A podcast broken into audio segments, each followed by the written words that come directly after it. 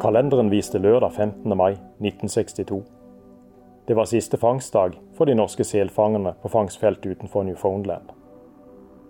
Om bord i selfangstskuta Quest, eid av Ludolf Schjelderup fra Bodø, var stemningen anspent denne morgenen. I over en uke hadde Quest tatt inn vann, etter et kraftig sammenstøt med isen. Skipperen hadde klart å holde lekkasjen i sjakk ved å holde skuta i bevegelse. Men så snart motoren ble stanset, strømmet vannet inn. Dagen før hadde det blitt avholdt skipsråd om bord. Det ble besluttet at halvparten av mannskapet på 23 skulle bli med fangstskuta Polarfart.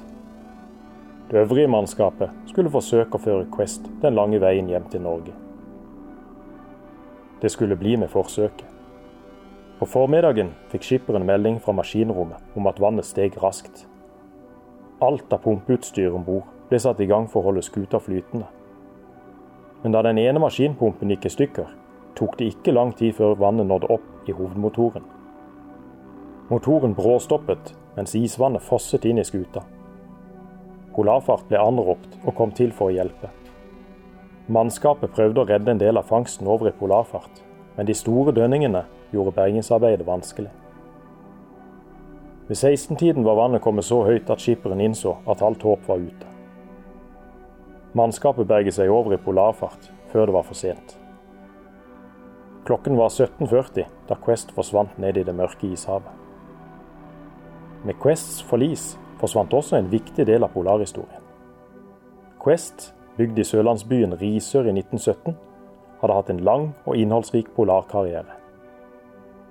Skipet var også kjent utenfor Norges grenser. Quest var nemlig sterkt knyttet til en av polarhistoriens mest kjente og høyt respekterte polarforskere, briten sir Ernst Shackleton. Hør mer om det i tolvte episode av Polarpionerene polarhistorien sett fra Sørlandet. Norge har en lang og stolt historie som polarnasjon. Historien om Nansen, Amundsen og polarskuta Fram står som bautaer i norsk polarhistorie. Nasjonalheltene som kjempet og slet seg fremover i en kald og nådeløs natur.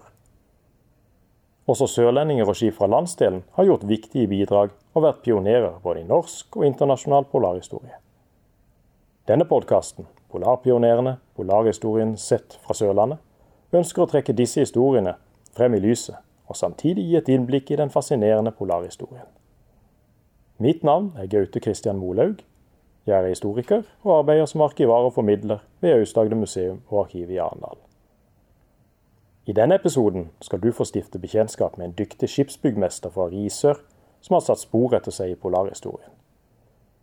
Erik Knutsen Lindstøl var seilskipsbyggeren som skapte seg et internasjonalt navn ved å bygge ishavsskuter og forskningsfartøy som tålte polarisen. Historien begynner i Søndeledd utenfor Risør. Erik Knutsen Lindstøl ble født på gården Lindstøl i Søndeledd 23.9.1844. Faren var gårdbruker, og Erik måtte hjelpe til på gården i oppveksten. Allerede som seksåring ble han satt til å gjete buskap. Da han var ti år, ble han forfremmet til tømmerkjører. Samtidig drømte han om å dra på sjøen. Han ville bli skipsnavigatør. Men foreldrene nektet. De mente han måtte holde seg på land.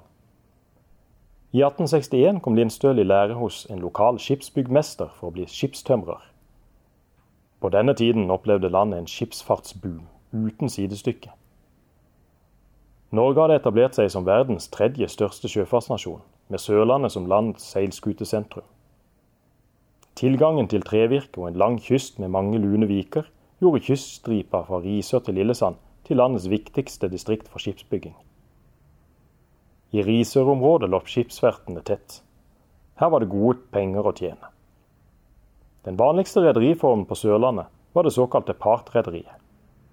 Når et skip ble bygget eller kjøpt, ble det delt inn i flere skipsparter. Skipspartene ga rett til en gitt andel av det skuta tjente inn, og en andel av skutas salgsverdi når den ble solgt. Når et skip ble bygget, ble skipsparter ofte brukt som betaling for både skipstømmer og skipsbyggingtjenester. Denne muligheten benyttet Erik Lindstøl seg av. Etter å ha jobbet fire år ved et verft på Moen i Søndeledd, hadde han i 1870 tjent såpass at han kunne starte for seg selv i en alder av 26 år. Han opparbeider seg raskt ry som leverandør av solide og effektive seilskip bygget i tre. Lindstøl fortsatte med å bygge seilskip til begynnelsen av 1890-tallet, men da var markedet mettet. Rederne ønsket seg moderne dampskip. Overgangen fra seil til damp førte til at mange sørlandsverft måtte legge inn årene. Men Erik Lindstøl klarte å omstille seg. Etter å ha satt seg grundig inn i emnet, gikk han i 1895 over til å bygge dampskip i tre. På begynnelsen av 1900-tallet fikk han innpass i et marked som kom til å bli en viktig nisje for Lindstøls båtbyggeri. Fangst- og forskningsfartøy som kunne takle islagte farvann. I 1904 ble Lindstøl kontaktet av skipsreder Kristen Christensen i Sandefjord. Christensen drev med ishavsfangst både i Arktis og i Antarktis, og hadde behov for en sterk selfangstskute i tre. Selv eide Christensen det kjente verftet Framnes Mekaniske Verksted i Sandefjord, som hadde bygget flere kjente polarskuter. Men ordreboken på Framnes var full. I februar 1904 ba han derfor skipsbyggeren i Risør gjøre jobben. Men Christensen krevde at skipet ble ferdig innen utgangen av året. Det var knapt med tid. Men Lindstøl var som vanlig løsningsorientert. Han doblet arbeidsstyrken fra 30 til 65 mann, og i desember 1904 gikk skipet av stabelen ved verftet i Lindstøl. Skipet, som fikk navnet Bjørn, var bygget av tømmer fra skogen i Froland. Bjørn målte 527 brutto registertonn. Det var 48 meter langt, 9 meter bredt og stakk om lag 6 meter dypt. I Porsgrunn fikk Bjørn installert en dampmaskin på byens mekaniske verksted. Skipsreder Christensen var meget godt fornøyd med skipet, som tilbrakte de første årene på ishavsfangst i Nordishavet. Her beviste skipet fra Risør at det tålte isens ekstreme påkjenninger. Våren 1907 besøkte polarforskeren Ernst Shackleton hvalfangerbyen Sandefjord. Shackleton, som har irsk opphav, hadde deltatt på den britiske Discovery-ekspedisjonen til Antarktis i 1901-1904. Ekspedisjonen hadde vært ledet av briten Robert Falcon Scott. Shackleton planla nå sin egen ekspedisjon til Antarktis. Målet var å bli den første til å nå Sydpolpunktet. Men han trengte et sterkt skip. Han var blitt tipset om at selfangstskuta Bjørn var skipet han lette etter. Bjørn lå på den tiden i opplag i Sandefjord. Shackleton mente Bjørn var ideelt som ekspedisjonsskip. De hadde stort lasterom, køyeplass til 50 mann og en sterk maskin. Shackleton ytret ønske om å kjøpe Bjørn, og reiste tilfreds tilbake til hjemlandet. Vel hjemme fikk han vite at den største investoren hadde trukket støtten til ekspedisjonen. Shackleton måtte derfor si fra seg skipet. I stedet endte han opp med det mye eldre og smalere ekspedisjonsskipet Nimrod. Den 9. januar 1909 nådde Shackletons Nimrod-ekspedisjon 88 grader og 23 minutter sørlig bredde. Til da det sørligste punkt nådd av mennesker. Lite mat og dårlig vær førte til at ekspedisjonen måtte gi opp om lag 180 km fra polpunktet. Men Shackleton var på langt nær ferdig med Antarktis. I 1910 hjalp Shackleton den tyske polarforskeren Wilhelm Filchner å finne et passende skip til en tysk Antarktis-ekspedisjon. Shackleton hadde ikke glemt Lindstøl-skuta han hadde falt for tre år tidligere. Filchner fikk kjøpt Bjørn, og etter anbefaling av Shackleton ble skipet forsterket ved Framnes verft før turen gikk mot Antarktis. Bjørn fikk også nytt navn. Det tyske ekspedisjonsskipet ble døpt Deutschland. 4. mai 1911 forlot Deutschland Bremerhaven med kurs mot Weddellhavet i Antarktis. Den tyske ekspedisjonen skulle drive med forskning og samtidig prøve å avdekke om det antarktiske kontinentet besto av én enkelt landmasse. Ekspedisjonsleder Filchner hadde en teori om at det enorme islagte kontinentet kunne være delt i to. Ekspedisjonen ønsket å undersøke om Veddelhavet og Rosshavet kunne være forbundet med et islagt sund. Den tyske ekspedisjonen skulle komme helt i skyggen av to andre ekspedisjoner dette året. Mens Deutschland i desember 1911 seilte inn i Veddelhavet, utkjempet nordmannen Roald Amundsen og briten Robert Falcon Scott et høydramatisk kappløp på antarktisk platå. Begge ønsket å bli den første til å nå Sydpolen. Kappløpet som Amundsen vant, kom til å stjele overskriftene verden over og bli en klassiker i polarhistorien. Det samme kan ikke sies om Filchners ekspedisjon. Den tyske Antarktis-ekspedisjonen ble preget av dårlig planlegging, intern krangling og mye motgang. Forholdet mellom ekspedisjonsleder Filchner og skipets kaptein kjølnet lenge før skipet fikk føling med polarisen. Stemningen smittet over på mannskapet. Tross flere forsøk klarte ekspedisjonen aldri å etablere en stasjon på isen. Bedre ble det ikke da Deutschland frøs inne og ekspedisjonen måtte overvintre i skipet. Under overvintringen ble forholdet mellom mannskapet og ekspedisjonsleder Filchner stadig dårligere. Stemningen om bord bygde seg opp til mytteri. Da skipet endelig kom fri fra isen i november 1912, dro Deutschland rett til den norske hvalfangststasjonen Grytviken på Sør-Georgia. Da det kom dit, var ekspedisjonen i total oppløsning. Den norske stasjonsbestyreren Carl Anton Larsen måtte bruke sin autoritet for å roge myttene om bord. Han bidro til at mytteriet ble avblåst men de stridende parter måtte holdes fysisk atskilt for å hindre håndgemeng. Før året var omme ble ekspedisjonen offisielt avsluttet i Grytviken, og grupperingene sendt hjem på hvert sitt skip. Tilbake i Europa ble ekspedisjonsskipet solgt. Kjøper var en østerriksk ekspedisjon som planla et nytt tokt til Antarktis. Skuta fikk samtidig et nytt navn. Deutschland ble til Osterreich. Noen retur til Antarktis ble det ikke på polarskuta fra Risør. Ekspedisjonen ble avlyst da første verdenskrig brøt ut sommeren 1914. Verdenskrigen stanset imidlertid ikke Ernst Shackleton. I august 1914 forlot han Europa med ekspedisjonsskipet Endurance.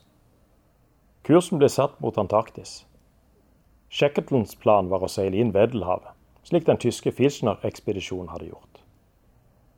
Her skulle han ilandsette en ekspedisjonsgruppe som skulle gjennomføre den første transkontinentale krysningen av Antarktis.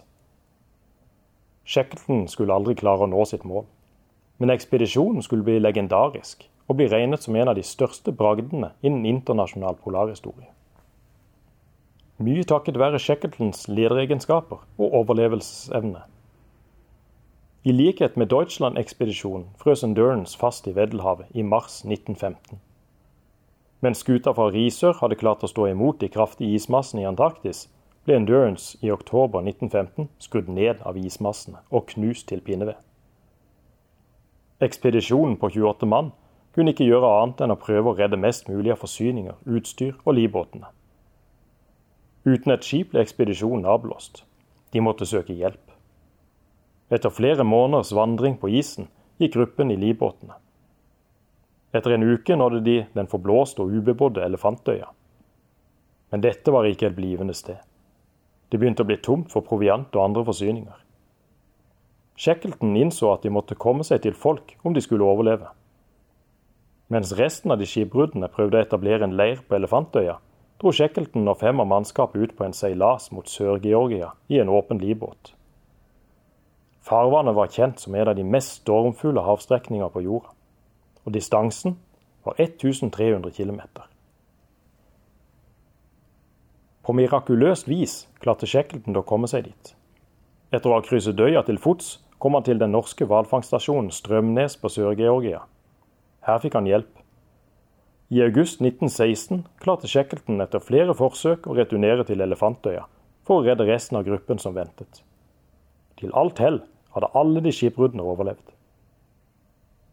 Shackletons mislykkede, men utrolige Antarktis-ekspedisjon i årene 1914 til 1917 har gitt han legendestatus.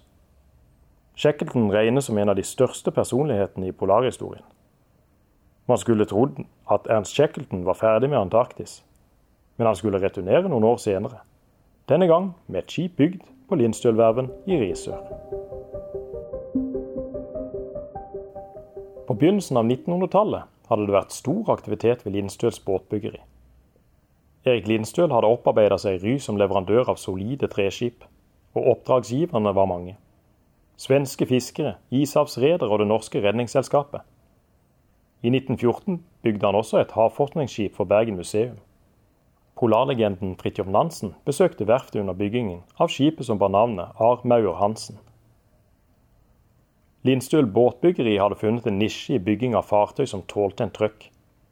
Et av skipene som gikk av stabelen, var selfangstskuta Foka 1, bygd i 1917 for hvalfanger Morten Andreas Ingebretsen fra Troms. Skipet skulle imidlertid bli berømt under et annet navn og en annen eier.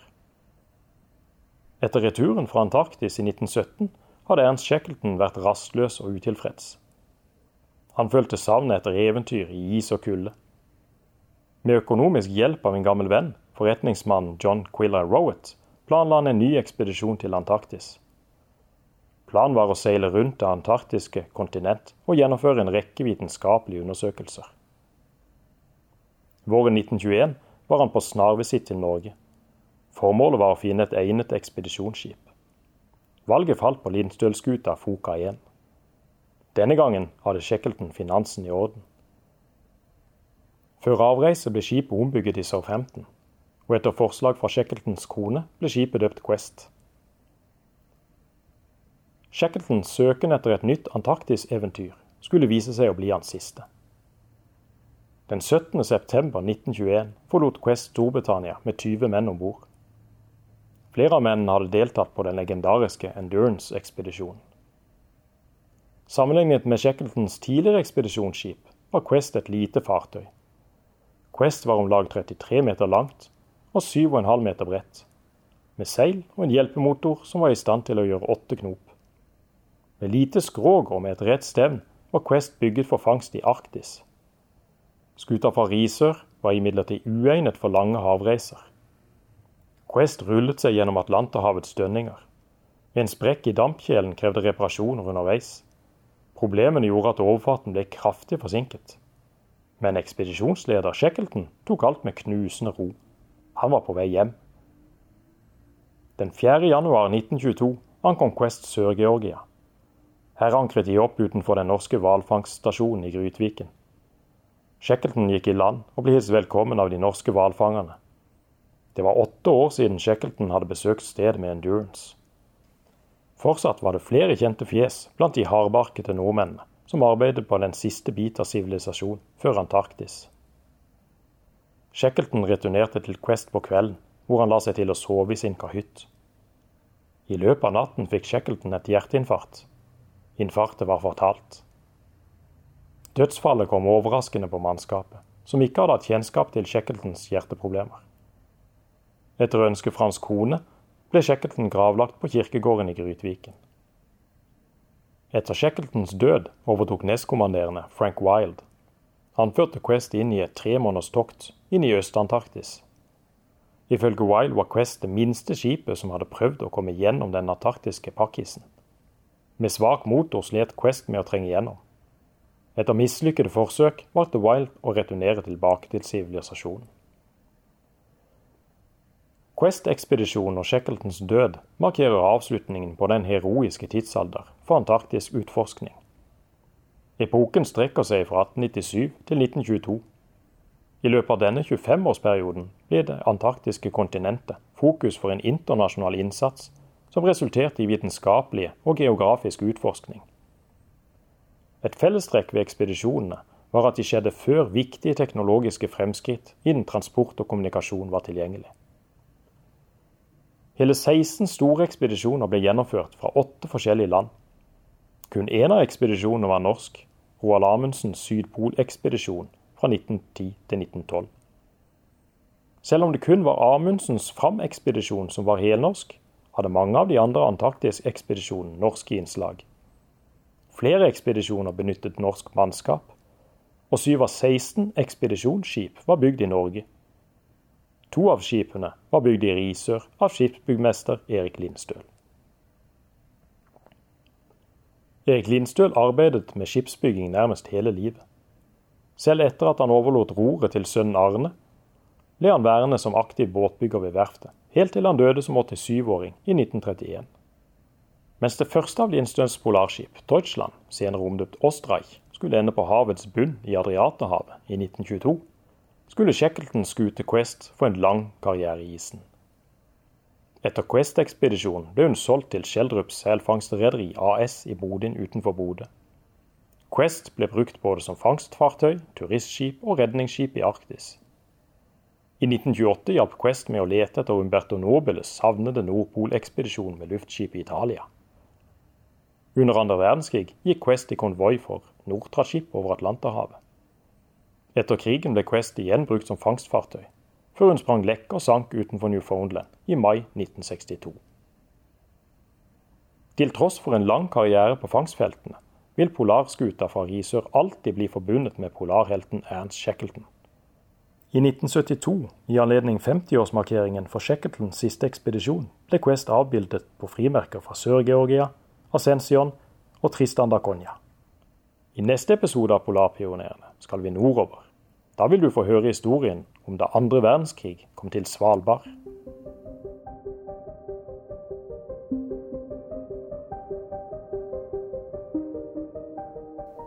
Dette var tolvte episode av Polarpionerene polarhistorien sett fra Sørlandet. Podkastserien er produsert av Aust-Agder museum og arkiv. Manuset til denne episoden er skrevet av min kollega Yngve Skjulstad Christensen, og produsent er Christian Hauglund Isaksen.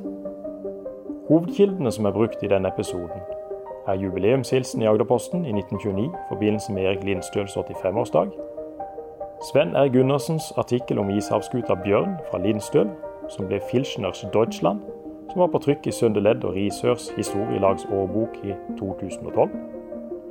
Sjøforklaring i forbindelse med Quests forlis i 1962. Roland Huntfords bok 'En polarhelt for vår tid' om Ernst Shackleton fra 2000, og artikler knyttet til Ernst Shackleton på Store norske leksikon. Likte du det du hørte, kan jeg også anbefale podkasten 'De hvite seil historier fra Sørlandets siste seilskutetid'.